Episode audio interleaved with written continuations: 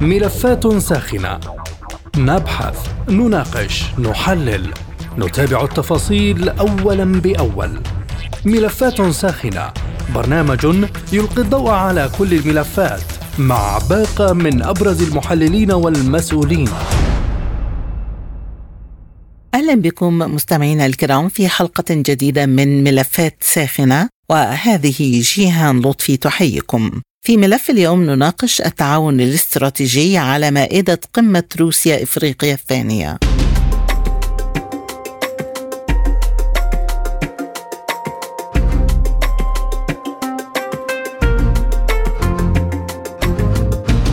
قبل ساعات من انطلاق قمة روسيا إفريقيا الثانية كشف الرئيس الروسي فلاديمير بوتين عن رؤيته حيال تنمية العلاقات الروسية الإفريقية لا سيما في مجال التعاون الاستراتيجي. ويعقد في بطرسبرغ المنتدى الاقتصادي الروسي الإفريقي الثاني في السابع والعشرين والثامن والعشرين من يوليو الجاري في إطار تعزيز العلاقات الاستراتيجية بين روسيا والدول الإفريقية والارتقاء بها إلى مستوى جيد وهو حدث فريد من نوعه في علاقات روسيا مع دول القارة السمراء.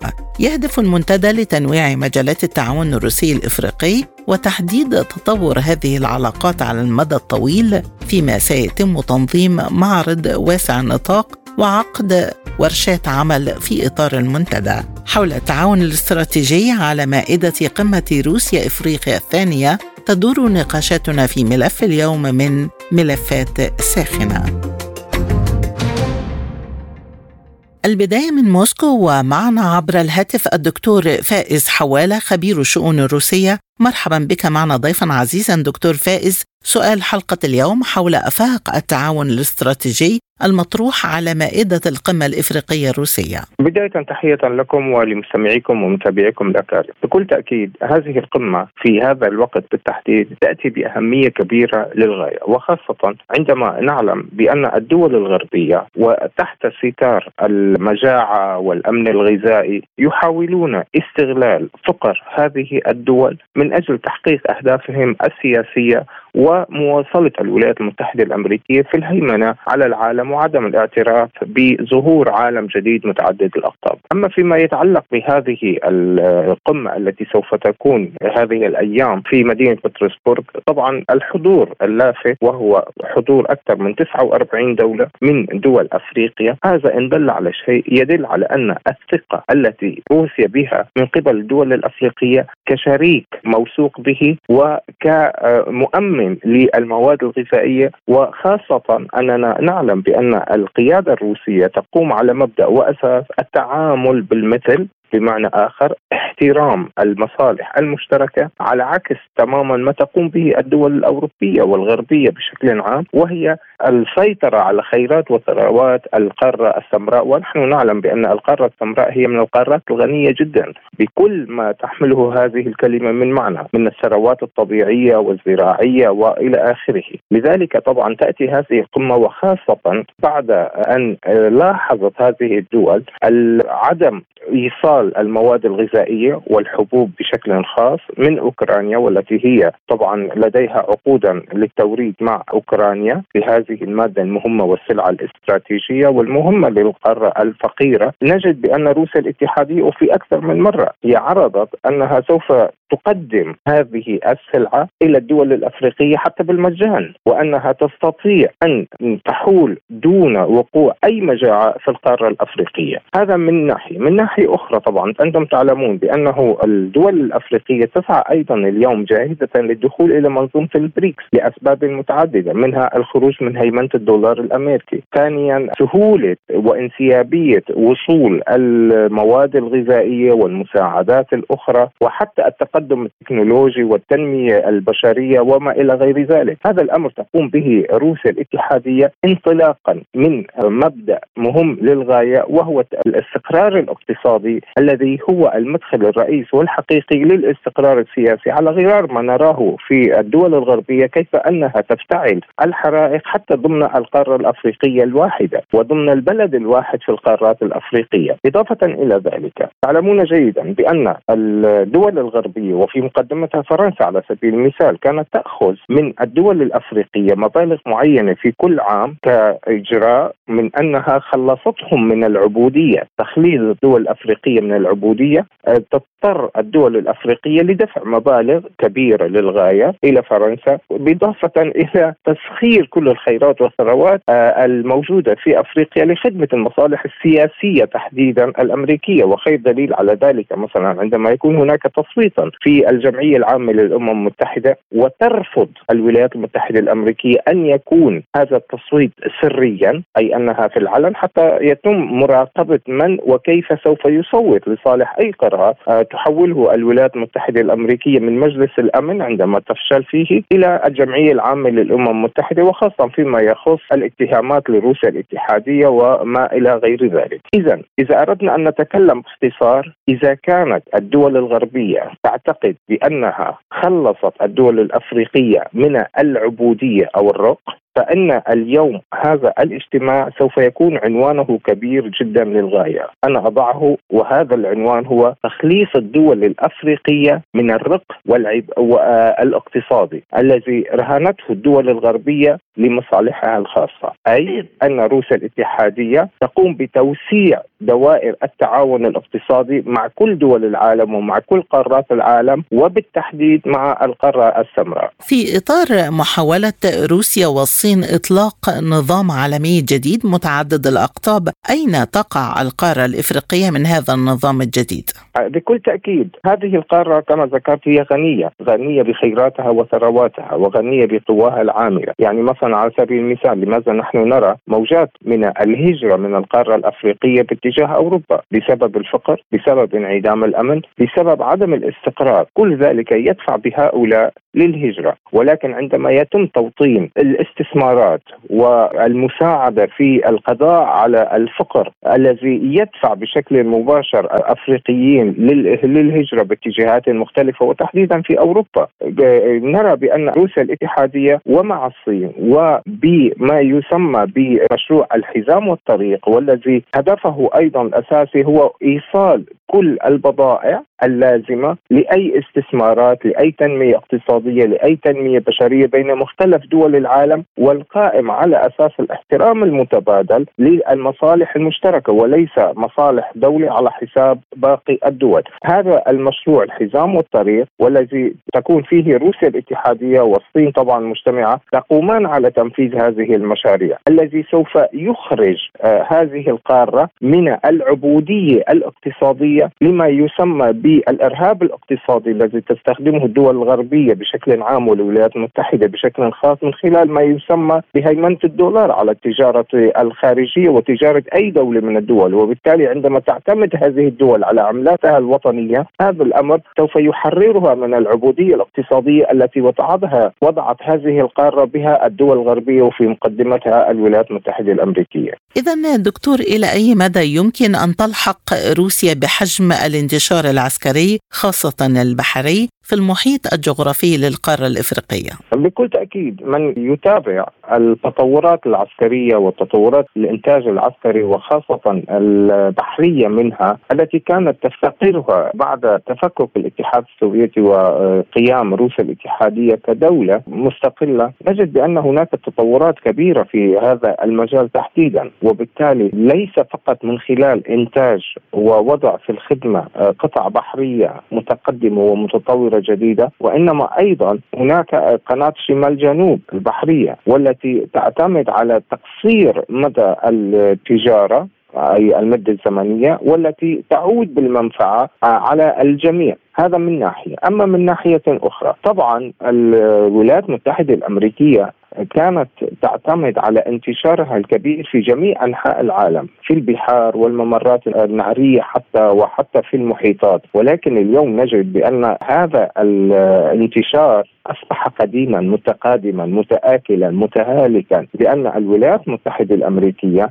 شعرت بنفسها بأنها سيدة العالم وأنها شرط العالم. وبالتالي هذا الانتشار طبعا بكل تأكيد أتى بنتائج بين مزدوجين إيجابية بالنسبة للولايات المتحدة الأمريكية. الأمريكية من خلال فرض هيمنتها المطلقة والكاملة على كل مفاصل الاقتصاد في العالم، ولكن اليوم نجد بأن هذا التطور ليس مقتصرا بحريا على حد بشكل خاص وإنما أيضا على الصين، لأن أي تجارة أي مشاريع اقتصادية يجب أن يكون لها حماية أمنية، يعني على سبيل المثال تعالوا نتذكر موضوع الهيمنة على البواخر التجارية في مختلف مناطق العالم، بالتالي هذا الأمر كان موجودا قبل فترة وقبل عوده روسيا الاتحادية ومعها الصين أيضا إلى المساحة العالمية وإلى فرض ما يسمى في نهاية المطاف بعالم متعدد الأقطاب، كان هناك عملية قرصنة ممنهجة ومبرمجة ومخططة من قبل الولايات المتحدة الأمريكية من أجل تحقيق أي هدف من أهدافها، اليوم على سبيل المثال أيضا في منطقة الخليج العربي، نرى كيف أن محاولات الولايات المتحدة الأمريكية لفرض نفسها وفرض ما يسمى بالأمن المستورد على تلك المناطق تحت شعار حماية التجارة، ولكن في حقيقة الأمر هم من يعرقلون التجارة، هم من يحاولون إيجاد استفزازات من أجل محاولة إقناع تلك الدول التي ما زالت وبكل أسف ولكن أصبحت تخرج شيئا فشيئا من تحت الهيمنة والمظلة الأمريكية فهي تحاول منع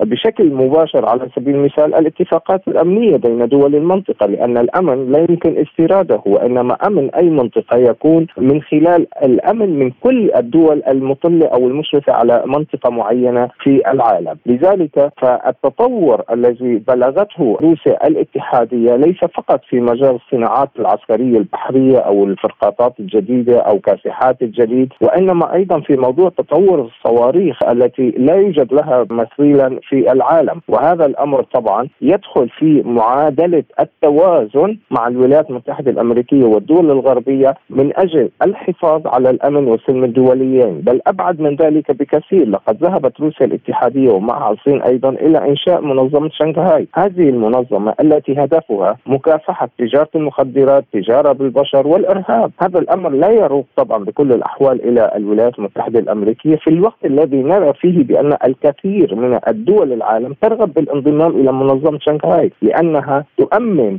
العلاقات التجارية، تؤمن التبادل التجاري، تؤمن المسارات التجارية سواء كانت بحرية أو جوية أو برية حتى، لذلك اليوم تشعر الولايات المتحدة الأمريكية ومعها الغرب الجماعي بأنهم يفقدون السيطرة ويفقدون الهيمنة على العالم، لذلك نحن بانتظار أي حماقات أخرى من قبل هؤلاء ولكن لا أعتقد بأنهم سوف يقررون بالدخول بشكل مباشر في مواجهة روسيا الاتحادية عسكريا. لذلك هم سوف يتجهون بوجهة نظري إلى أشعال بعض الحرائق في أكثر من منطقة وأكثر من قارة. وخير دليل على ذلك على سبيل المثال الحريق السوداني. هذا الأمر إذا تم تفعيله بشكل كامل نجد بأنه سوف ينتشر في داخل القارة السمراء أو القارة الأفريقية. وهذا يشكل خطرا ليس فقط على التجارة العالمية وليس على روسيا وليس على الصين وإنما في نهاية المطاف سوف يشكل خطر الاساس الأساسي على سكان هذه المنطقة التي سوف تجبرهم وتدفعهم إلى الهجرة وترك أماكنهم وترك بيوتهم وترك أشغالهم وأعمالهم والاتجاه إلى الهجرة من أجل لقمة العيش، هذا الأمر أيضا موجود ضمن الوثائق التي سوف توقع والتي يبلغ حسب المعلومات عددها حوالي 50 وثيقة عمل مشتركة في مختلف المجالات الاقتصادية والسياسية والدبلوماسية وأمر مهم للغاية أنه تم اتخاذ قرار في روسيا اليوم حول فتح سفارات لروسيا الاتحادية تقريبا في جميع الدول الأفريقية. هذه السفارات التي تم إغلاقها بعد انهيار الاتحاد السوفيتي. هذا أمر مهم للغاية. وبالتالي عندما تكون هناك علاقات دبلوماسية علاقات ثقافية علاقات سياسية علاقات اقتصادية كل ذلك يمتن العلاقات بشكل عام بين شعوب العالم من أجل مصلحتهم وليس من أجل مصلحة دولة على حساب دول أخرى. كما تحاول الولايات المتحدة الأمريكية والغرب فعله في مختلف أنحاء العالم. بالحديث عن هذه النقطة دكتور احتياجات التنمية للقارة الإفريقية هائلة. لماذا ترغب روسيا بهذه الشراكة في الوقت الذي رأت فيه الولايات المتحدة أن إفريقيا ثقب أسود للأموال والاستثمارات؟ طبعا بكل تأكيد أنتم تعلمون جيدا وتحدثنا عن ذلك في البداية على أن الدول الغربية هي تحاول نهب خيرات وثروات القارة السمراء الغنية والتي تحتاجها كل دول العالم سواء كان من المواد الأولية التي تدخل في الصناعات المتطورة والحديثة أو حتى الصناعات الفضائية أو حتى الأمن الغذائي، يعني مثلا نحن في الدول العربية تعلمون بأننا نقول بأن السودان هو سله السله الغذائيه للوطن العربي، ترون جيدا ماذا حل به وماذا سوف يجري بعد ذلك، لذلك فعندما تقوم روسيا الاتحادية ومعها الصين ودول أخرى في عملية ممارسة التنمية الاقتصادية لتلك الدول لأن أي مواطن في العالم يحق له أن يستثمر في خيراته وثرواته لا أن يقدمها بالمجان إلى دول أخرى تفرض عليه ذلك. يعني على سبيل المثال فرنسا. فرنسا هي تنهب آه، الذهب من آه، القارة الأفريقية والألماس والمواد الأخرى الاستراتيجية وتستغل في ذلك عمل الأطفال. في النيجر في مختلف أي بلد في القارة الأفريقية تشعرون بأن هناك عملية نهب ممنهجة لخيراته وثرواته على حساب إفقار وإيجاع آه، تلك الشعوب. هذا الأمر طبعا لا تريده روسيا الاتحادية لأنه أيضا أكرر بأن الهدف الأساسي هو الاستقرار الاقتصادي الذي يمنح الحياة الكريمة لأي مواطن هو أساس للاستقرار السياسي، الأمر الذي تستغله الولايات المتحدة الأمريكية من خلال إحداث حركات سياسية أو مشاكل سياسية من أجل الاقتتال وحتى الوصول إلى حروب أهلية وهذا ما نجده في أغلب الدول الأفريقية. يعني حتى مثلا إذا أردنا أن نتحدث على جمهورية مصر العربية. جمهورية مصر طبعا أنتم تعلمون بأن الاعتماد كان على القمح بشكل أساسي من أوكرانيا بسبب رخص سعره وهو أقل سعرا من القمح الروسي. ولكن ماذا حصل؟ خلال أكثر من عام من ما يسمى باتفاقية البحر الأسود لم يصل الا الشيء القليل النادر لمصر من الحبوب. ولكن في نفس الوقت نرى بأن هناك تدفقات إسعافية وعقود تم تحريرها بين روسيا الاتحادية وجمهورية مصر العربية. مع العلم وبالمناسبة بأن الشعب المصري هو أو الانسان المصري الواحد هو أكبر مستهلك للقمح في العالم العربي. أعتقد بحوالي 186 كيلو وأكثر حتى في السنة. لذلك نجد بأن روسيا الاتحادية عندما يكون لها القدرة والقوة وعندما ترى بأن هناك منفعة مشتركة لكلا الشعوب يعني مثلا عندما تورد روسيا الاتحادية القمح على سبيل المثال كما ذكرنا لمصر فهي لا تطلب منها قطعا اجنبيا وإنما تقوم على أساس تداول بالعملات المحلية أو تبادل بضاعه بضاعة، هذا يؤدي إلى تأمين المنتجات الأساسية الغذائية للشعب المصري بأقل التكاليف ولا يضطرهم إلى التعامل بالعملات الأجنبية بالدولار تحديدا أو اللجوء إلى قروض ما يسمى بالبنك الدولي والذين والذي تعرفون ما هي نتائجه، لذلك حتى من الناحية الناحيه العسكرية. يعني جمهورية مصر العربية إذا كان حديثنا عن جمهورية مصر العربية هي مستهدفة عسكريا ويحاولون إفشالها عسكريا وتفعيل جيشها. ولكن في حقيقة الأمر عندما تقوم أيضا روسيا الاتحادية بالمساعدة العسكرية بتأمين وسائط الدفاع التي تحافظ على وحدة واستقلالية أراضي الجمهورية العربية المصرية نرى بأن هذا الأمر أيضا يدخل في موضوع الاستقرار الاقتصادي الذي يؤدي في نهاية المطاف إلى استقرارات سياسية وعدم تكرار ما يسمى بمشروع الربيع العربي. من موسكو خبير الشؤون الروسية الدكتور فائز حوالة كنت معنا. شكرا جزيلا على هذه الإضاءة. وحول رؤية الجانب الإفريقي للتعاون الاستراتيجي مع روسيا معنا من القاهرة السيد اللواء محمد عبد الواحد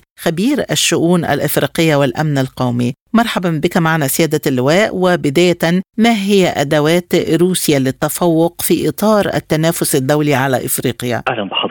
وأهلا بمستمعيك الكرام. الحقيقة روسيا لديها فرص كثيرة جدا وأدوات كثيرة جدا للمنافسة حتى مع الدول العظمى أو الدول اللي ليها تاريخ كمان مع إفريقيا. آه، روسيا منذ الاتحاد السوفيتي كانت هناك علاقات طيبة مع كافة الدول الإفريقية سواء على المستوى السياسي أو العسكري أو الأيديولوجي أو غيرها. روسيا دائما ما تقدم نفسها على إنها دولة تساعد وإنها تريد أن المصالح للطرفين اللي هو win win situation ما بين الطرفين. روسيا ساعدت في عمليات التحرر الوطني في افريقيا وبالتالي ليها رصيد كبير جدا لدى الأفارقة. الأفارقة ينظرون إلى روسيا على أنها شريك استراتيجي مهم وليس شريك يريد أن يستغلها أو يعني يحاول أن يستغل أو يبتز ثرواتها كما يفعل الأوروب الأبيض. اذا التاريخ هو أحد أدوات روسيا. روسيا بتعمل جاهدة على توطين التكنولوجيا في أفريقيا.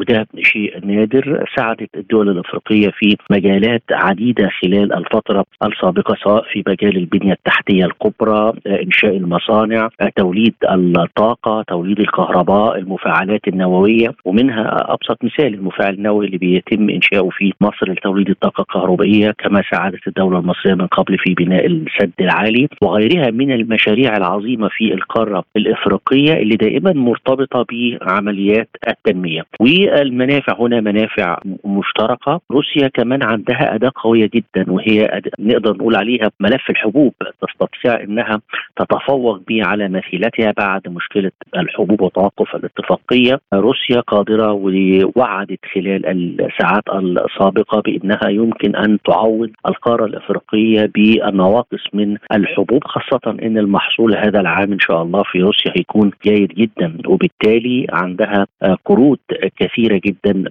من المنافسة اللي تقدر تخليها تميزها عن المنافسة. كمان في رغبة من من الطرفين ليس من روسيا فقط. هناك رغبة كمان إفريقية من الدول الإفريقية للتقارب مع روسيا لتحقيق مصالح استراتيجية. العالم الإفريقي خلاص سئم من التقارب الغربي والابتزاز سواء ابتزاز سياسي أو ابتزاز اقتصادي. العالم الإفريقي كمان بينشد إلى عالم جديد متعدد الأقطاب وليس قطبية واحدة. الدول الإفريقية مستفيدة من تعدد الأقطاب سواء على المستوى السياسي أو الاقتصادي أو الإنساني أو الاجتماعي وهي بتسعى إلى هذا. روسيا في علاقتها مع إفريقيا هي مستفيدة هي الأخرى لأن إفريقيا تعتبر سوق قوية للمنتجات الروسية بالكامل. روسيا بتحاول إنها تزود التبادل التجاري اللي هو وصل ل 18 مليار. لا في خطة خلال الثلاث سنوات إنه يعدي يكسر ال 20 مليار. حجم استثمارات روسية في إفريقيا تتخطى ال 40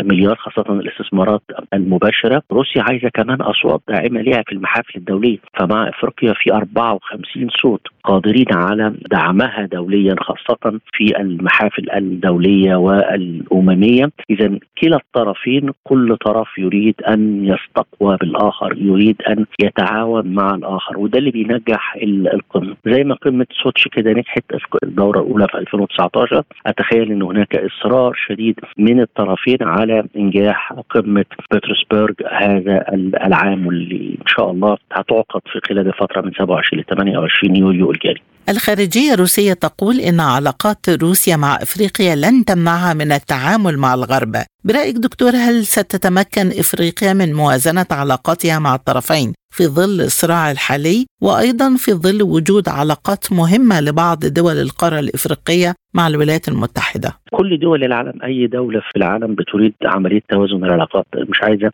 تنضم إلى فريق دون الآخر. هي بتسعى لكن هتشوف مصالحها مع مين الأكثر اتجاه إفريقيا شرقا سواء إلى روسيا أو إلى الصين. ده كان سبب كان بسبب له أسباب كثيرة جدا منها أن هذه الدول قدمت نفسها على أنها شريك في مكاسب في استفادة وفي مكاسب لكلا الطرفين. غير العلاقات الغربية اللي دايما كانت مساعدتها مشروطة سواء بشروط سياسية أو بشروط اقتصادية. أتخيل أن الغرب ممكن أنه يغير هنا بقى الإشكالية ليست في الدول الأفريقية نفسها. الإشكالية في الدول الغربية عشان تنافس هي الأخرى. يجب أن تقدم منح ومكافآت ومزايا للقارة الإفريقية في إطار الشراكة المتساوية في إطار التعاون الثنائي المشترك وليس التبعية. إذا الخطوة على الجهة الأخرى على الغرب لكن أفريقيا مستفيدة من هذه العلاقات ومن تعدد القطبية العالمية وأن هناك عالم متعدد الأقطاب تستطيع أن تتعاون مع الصين أو مع روسيا أو مع أوروبا أو الولايات المتحدة الأمريكية في حرية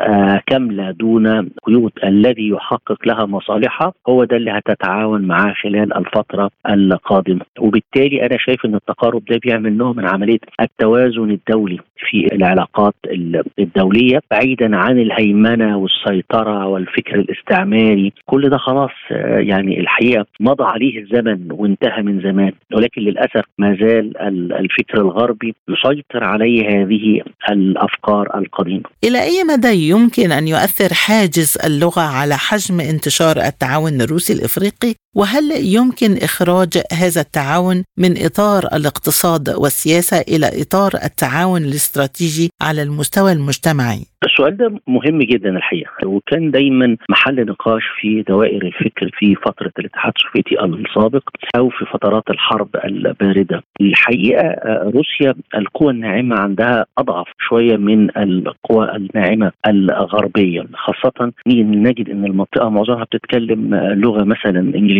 أو لغة فرنسية لكن نادر قوي إن أنا أشوف اللغة الروسية وعمليات التواصل على الرغم من إن روسيا تمتلك داخليا قوى ناعمة من خلال الأدب الروسي الرائع العريق ومن خلال الحضارة الممتدة الطويلة ولكن أتخيل الفترة الجاية يجب إنها تطور من القوى الناعمة حتى تصل إلى كافة مناطق العالم. أنا شايفه في بعض القنوات بدأ يظهر وتظهر قنوات بلغات متعددة كثيرة وده بيخيف الغرب لأنها الحقيقة الثقافة الروسية مؤثرة للغاية وده دايما عامل هاجس للغرب عشان كده تلاقي في ظل الأزمة الروسية الأوكرانية دايما تلاقي قفل القنوات الروسية التشويش على هذه القنوات لأن الدعاية الروسية والإعلام الروسي هو إعلام قوي مؤثر دارس آه، هو عايز يقول إيه وبالتالي عنده أدواته.